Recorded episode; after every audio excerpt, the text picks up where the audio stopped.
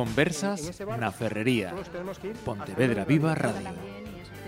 clubes importantísimos, federación. Hola, ¿qué tal? Eh, saludos. Eh, os sitúo.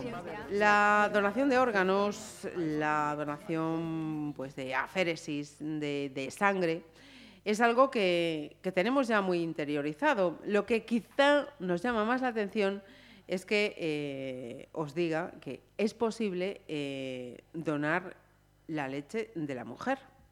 Vamos a hablar de, de, esa cuestión. Me acompañan en estas conversas en la ferrería Pilar Crespo Suárez, que es eh, pediatra concretamente, además me ha explicado y que yo esto no lo sabía, neonatóloga, lo he dicho bien. Sí, sí, perfecto. Bienvenida. Gracias. Y eh, Natalia Alonso Martínez, que es eh, supervisora de partos. Bienvenida también. Gracias. Trabajáis las dos aquí en el complejo hospitalario Sí, de, en Pontevedra. En el Hospital Provincial. Em, primera cuestión, para que haya eh, posibilidad de, hacer estas donaciones, estas donaciones de, de- leche de la mujer, eh, tiene que haber, una, lógicamente, una entidad que, lo gestione. Así que, mm, ¿quién y, desde cuándo se encarga de, gestionar estas donaciones? ¿Qué, qué es lo que hay? ¿A dónde se dirige uno? Bueno, los el dispositivo se- son los bancos de leche. Los bancos de leche son dispositivos sanitarios eh, que van, eh, tienen la función de recoger la leche, de analizarla, eh, la procesan mediante una pasteurización, eh, la controlan que es de buena calidad y que es segura microbiológicamente y luego la almacenan y la distribuyen a los centros eh, receptores que necesitan la, la leche donada. Nosotros eh, pertenecemos al Banco de Leche de Vigo, concretamente. ¿vale? Ajá. En Galicia hay dos bancos de leche, el de Santiago y el de Vigo, que se crearon los dos el mismo año, en 2016, para abastecer, digamos, como la parte norte y a la parte sur de, de Galicia. Ajá. Em, estas donaciones, eh, ¿qué, destinatarios tienen? Los receptores son en su gran mayoría van a ser niños prematuros, ¿vale? sobre todo menos de 1.500 y menos de 32 semanas. Pero luego eh, hay otras indicaciones, como son niños con retraso de crecimiento intrauterino, niños que pues, han necesitado una cirugía intestinal y para la realimentación se utiliza la leche donada porque se tolera mejor si no hay leche de su madre. Esto siempre es si no hay leche de su madre. ¿vale? Ajá. y luego también a veces en casos de, de otras patologías, de cardiopatías congénitas, etcétera. Y siempre que haya leche suficiente, pues eh, se amplían las, las indicaciones a niños, aunque sean menos prematuros. Em, decías, de- de- desde 2006 existe este... 2016. Digo, perdón, sí, 2016, Dios mío. Se me había metido a mí el 06. estos, estos dos bancos de leche en Vigo y, y Santiago. Em, pero esta, ah, este- estos dos eh, centros eh, no, no, no eran eh, pioneros, me refiero que antes de ponerse en Galicia ya había otros en España, eh, fuimos los primeros aquí en España, ¿cómo, cómo No vino hemos- todo no esto? hemos sido los primeros. que va, que va. El, el primer banco de leche lo, eh, se abrió en Viena en el año 1901. ¿m? Me estás de 1901. Sí, sí, con lo cual tiene mucha historia. En, en- en- lo que pasa es que bueno, hubo unos momentos ahí de resurgimiento y luego momentos en que, en que quedaron en desuso, sobre todo con el VIH, etcétera, ¿vale? Ajá. Y se volvieron, a, digamos, a resurgir pues a partir de los años, pues eso, 2000. Y el primero en España fue en, en Palma de Mallorca. Ajá. O sea, no hemos descubierto la pólvora, vamos. En Eh, 2001, luego fue Madrid en 2007 ujú. y bueno, hasta 2016 no llegaron a Galicia. O sea, han sido, eh, en todo caso, eh, las, las comunidades autónomas las que han propiciado esto. ¿Hay algún tipo de, de entidad eh, supranacional que, que gestione, que promueva, que apoye este tipo de, de bancos de, de leche? El problema es dónde se ubican, porque eh, hay dos tipos de banco de leche. Hay algunos que son eh, eh, que están ubicados en los eh, centros de transfusión, ¿vale? Ujú. y donación de tejidos, y hay otros que son hospitalarios eh, y que están generalmente en las unidades de neonatología de los hospitales. Cada uno tiene y luego ah, últimamente más bien se están abriendo mixtos que tienen eh, hacen la recogida y la distribución de en esos centros de, claro porque los centros de transfusión tienen la ventaja de que ya trabajan pues con otro tipo de tejidos están acostumbrados a las donaciones claro toda la infraestructura los técnicos etcétera y la distribución ya está totalmente organizada todos los centros hospitalarios y es mucho más fácil. Cuando están en los en las unidades neonatales esa parte es más complicada vale porque de repente el hospital tiene que gestionar pues eso, una distribución a otros centros ¿no? y pagarla de su bolsillo, digámoslo así, entonces puede ser más difícil la cosa, ¿vale? Pero en cambio está cerca de los niños receptores que la van a necesitar y sobre todo de madres de niños prematuros, que serían las más idóneas de todas para, para donar leche, porque la mayoría de la leche va para niños prematuros y la leche va a ser de distintas características al ser la, o sea, al tener la mamá un niño prematuro. En ese momento que cuando tiene un niño que ya tiene un año, la leche es distinta. Em, hemos, hemos, aclarado quiénes son los, los receptores de, de, estas donaciones, pero en cuanto a las eh, donantes, eh, ¿qué, tipo de, requisitos eh, tienen que tener? Y, aquellas que estén escuchando digan, oye, pues mm, tengo este perfil, me, interesa, ¿qué tienen que hacer? Bueno, las mamás eh, eh, que estén interesadas, ¿vale? Eh, lo que tienen que hacer es contactar con el Banco de Leche de Vigo y ahora mismo nosotros en Pontevedra funcionamos como un centro satélite, es decir, el banco propiamente está en Vigo, ¿vale? Es donde van a hacer toda la pasteurización y todo ese proceso, pero nosotros hemos abierto un punto de recogida de, de leche para las madres donantes de este área. ¿Vale? donde eh, de inicio también vamos a hacer la selección y captación de esas mamás y después va a ser el punto de recogida. O sea, vamos a hacer las dos cosas. ¿eh? Previamente tenían que ir siempre a Vigo, ah, ¿eh? hacer pues una entrevista. normalmente, ¿qué hacen? llaman por teléfono, contactan vía email con el banco de leche, que sí que tiene ya una logística pues, más apropiada y, mantenida todos los días de la semana. Pero también está el teléfono de contacto en nuestro centro, que es en el servicio de pediatría con nuestra secretaria, ¿vale?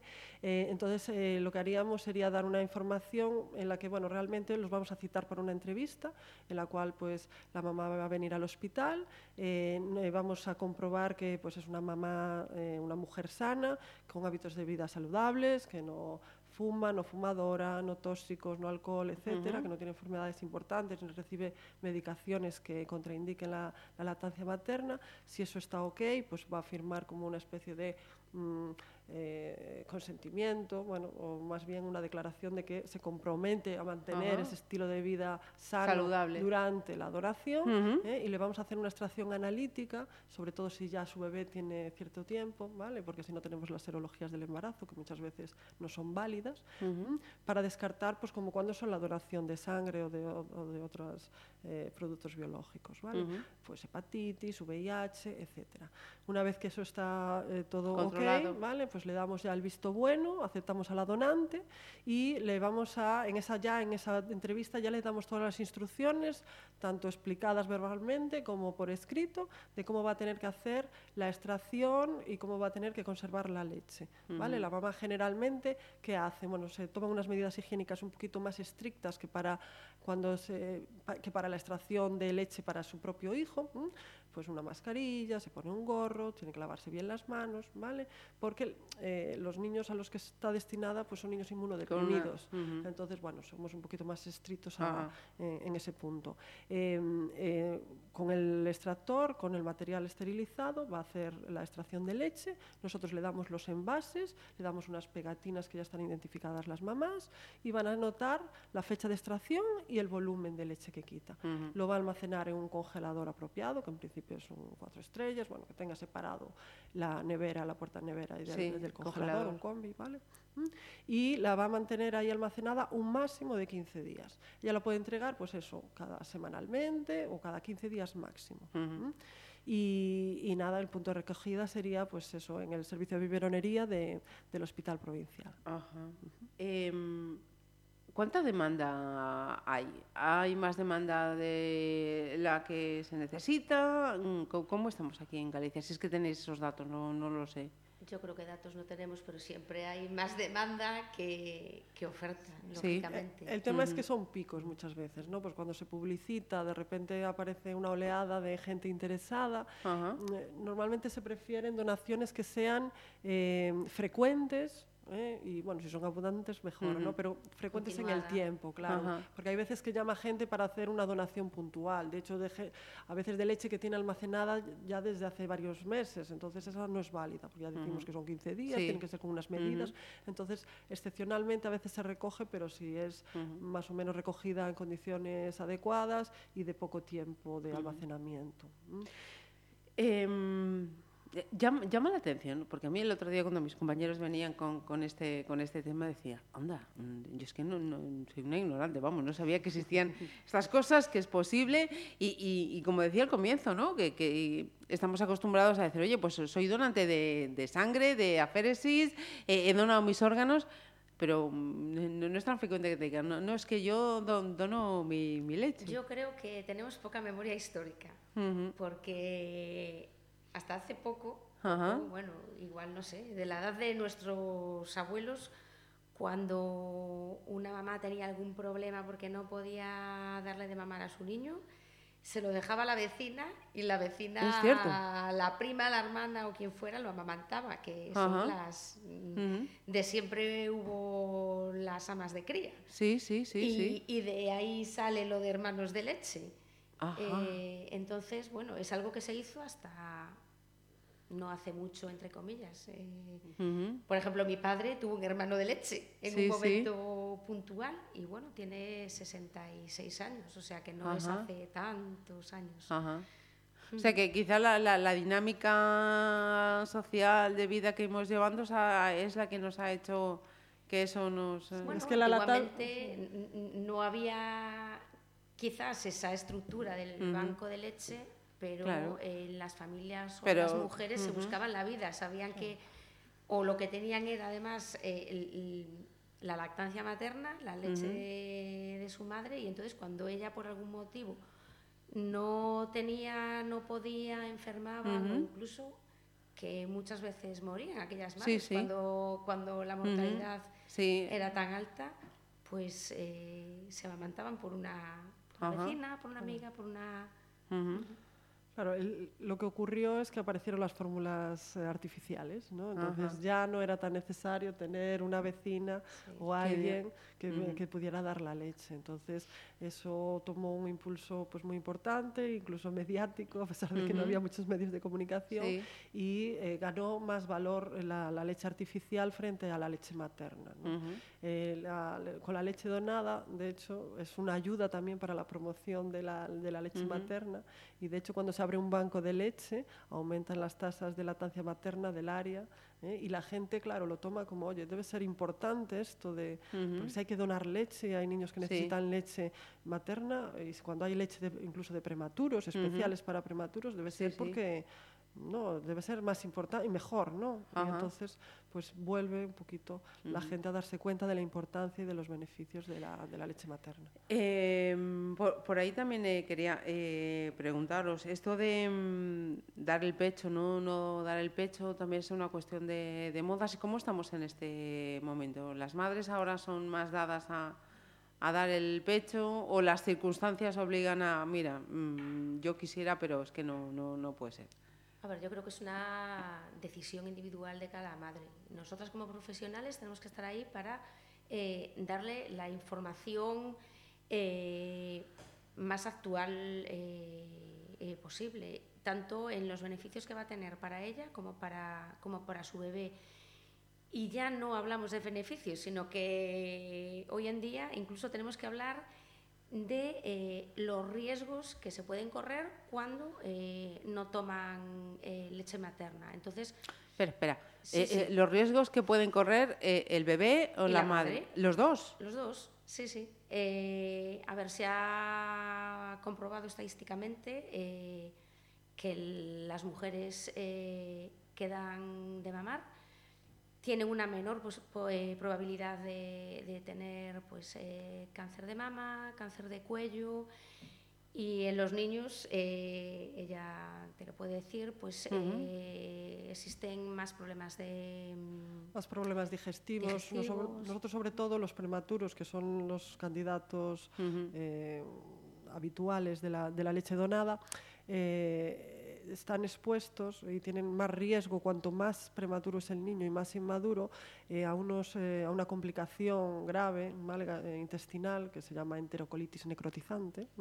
Y este cuadro tiene una mortalidad alta. Cuando se presenta, se presenta de forma inesperada y a veces cuando el niño ya está en una fase que ya ha pasado lo peor, digamos. ¿no? Cuando nace un niño prematuro, lo peor es la primera semana, es cuando tiene más riesgos de morbilidad y de mortalidad. Y en cambio esta patología aparece pues, cuando ya tiene tres o incluso cuatro semanas, que ya está en una fase, digamos, de estable, de crecimiento y de repente de forma inesperada pues aparece un cuadro de distensión abdominal que muchas veces termina con una perforación intestinal o incluso bueno eh, eh, extensa que hay que quitar resecar parte del intestino etcétera. O sea son cuadros graves y con una mortalidad alta. La leche materna protege de este cuadro mucho más que la, leche de, la fórmula de prematuros. Y la leche donada eh, ha demostrado los mismos beneficios. También la leche materna y la leche donada eh, disminuyen las infecciones en los niños y sobre todo los prematuros, que son niños con un sistema inmune muy inmaduro, con pocas defensas y que aparte tienen más factores de riesgo porque tienen muchas vías y bueno, muchas puertas de entrada, pues tienen más riesgo de infecciones graves y también con pues es una alta morbilidad y mortalidad. Entonces, bueno, eh, los beneficios son claros y de hecho nosotros pasamos a las mamás de los niños que van a recibir leche, le pasamos una especie de consentimiento, que en realidad bueno, no tiene por qué ser un consentimiento, una aceptación, como es un producto biológico, nosotros hacemos por protocolo eh, pues que firmen este documento en el cual les hacemos conocedoras de que la leche materna y en segunda opción la leche donada es la que va a tener eh, más beneficios en el niño y le va a proteger de ciertos riesgos. Y si no la acepta y no tiene leche suya, pues la fórmula de prematuros pues tiene unos riesgos, con lo cual eh, no, no, hemos tenido ninguna mamá que rechazara el recibir leche donada de, de Claro, porque eh, en cualquier caso, em, el niño que recibe esa, esa leche de, de, estos bancos tiene que ser porque la madre no, no pueda eh, amamantarlo. No es porque no quiera, es decir, no, yo, yo no le doy, pero quiero que mi hijo tome esta leche. Esa posibilidad no se puede dar. Claro, el tema es que cuando eh, un bebé nace prematuro, generalmente es porque hay un problema por una enfermedad materna o por una enfermedad en el bebé que hace pues, que el niño tenga que nacer. Si no, en principio, nosotros nunca queremos que un niño nazca prematuro. Eh, esa misma patología muchas veces interfiere para que podamos, para que la madre pueda empezar a estimular y a tener pues, leche, leche pronto. Y de hecho, antes muchas veces lo que hacíamos era esperar a ver si la madre, pues estimulándose, Claro, hay una separación de la mamá y el niño que también pues, dificulta pues también la producción de leche, porque es ¿Ah, importante que la mamá esté con el bebé. Se nota que no he sido madre, ¿verdad?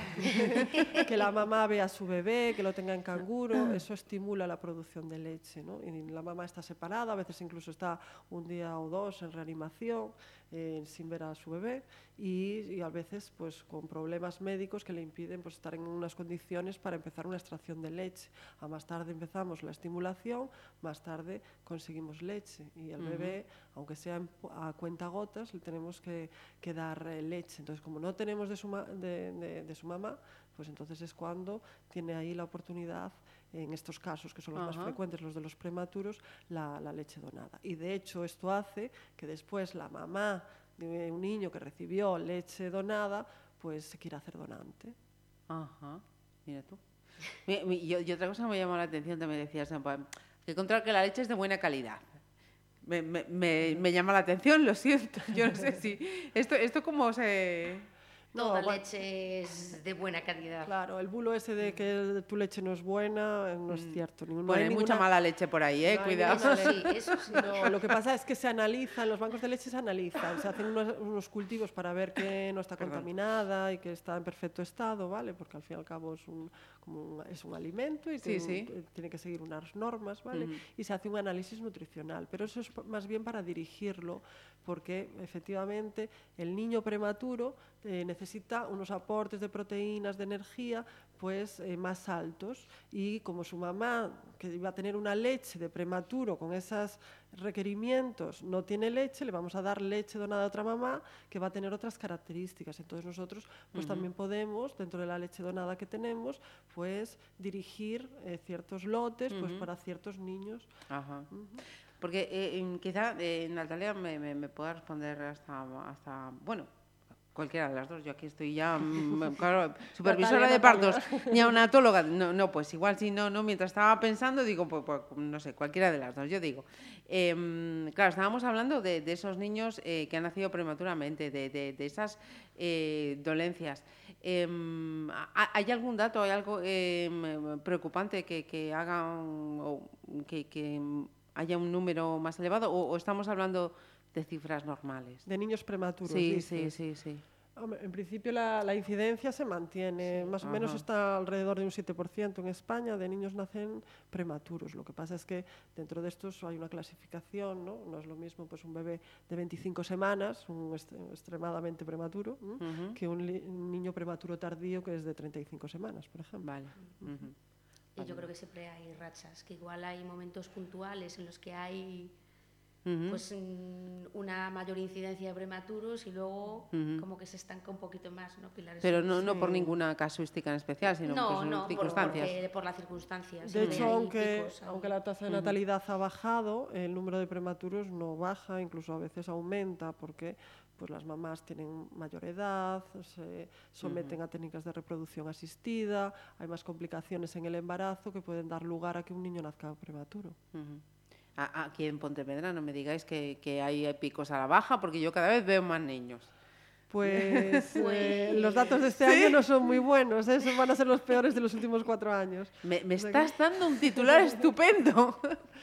2018 va a ser un año poco optimista de nacimientos. Hombre, nosotros hemos notado un descenso en el número de partos, tampoco es que sea sí, sí. Eh, drástico y algo que... Pero bueno, Como tengo los datos recientes, mira, en 2010 en el Hospital Provincial de Pontevedra eh, nacían, mm, o sea, niños vivos, eh, casi 1.900, ¿vale?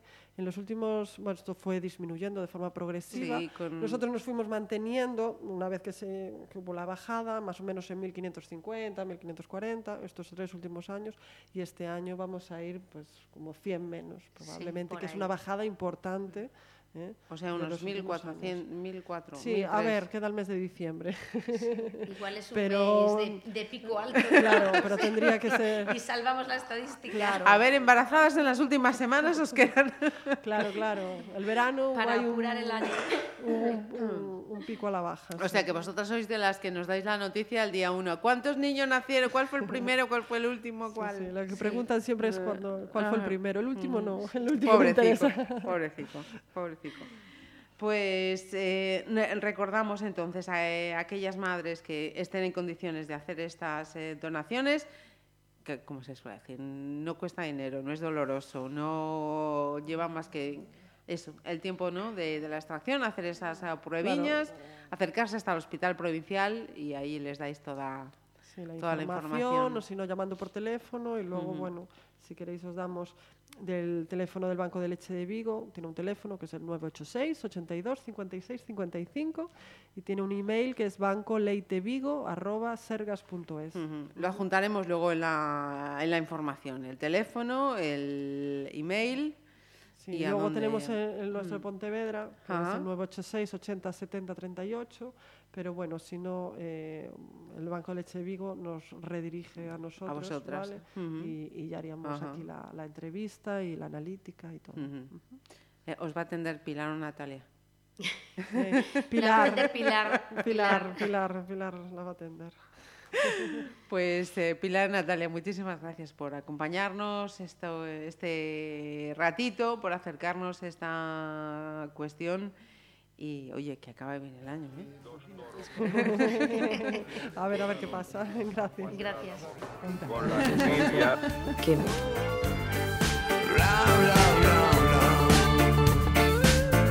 Conversas na Ferrería.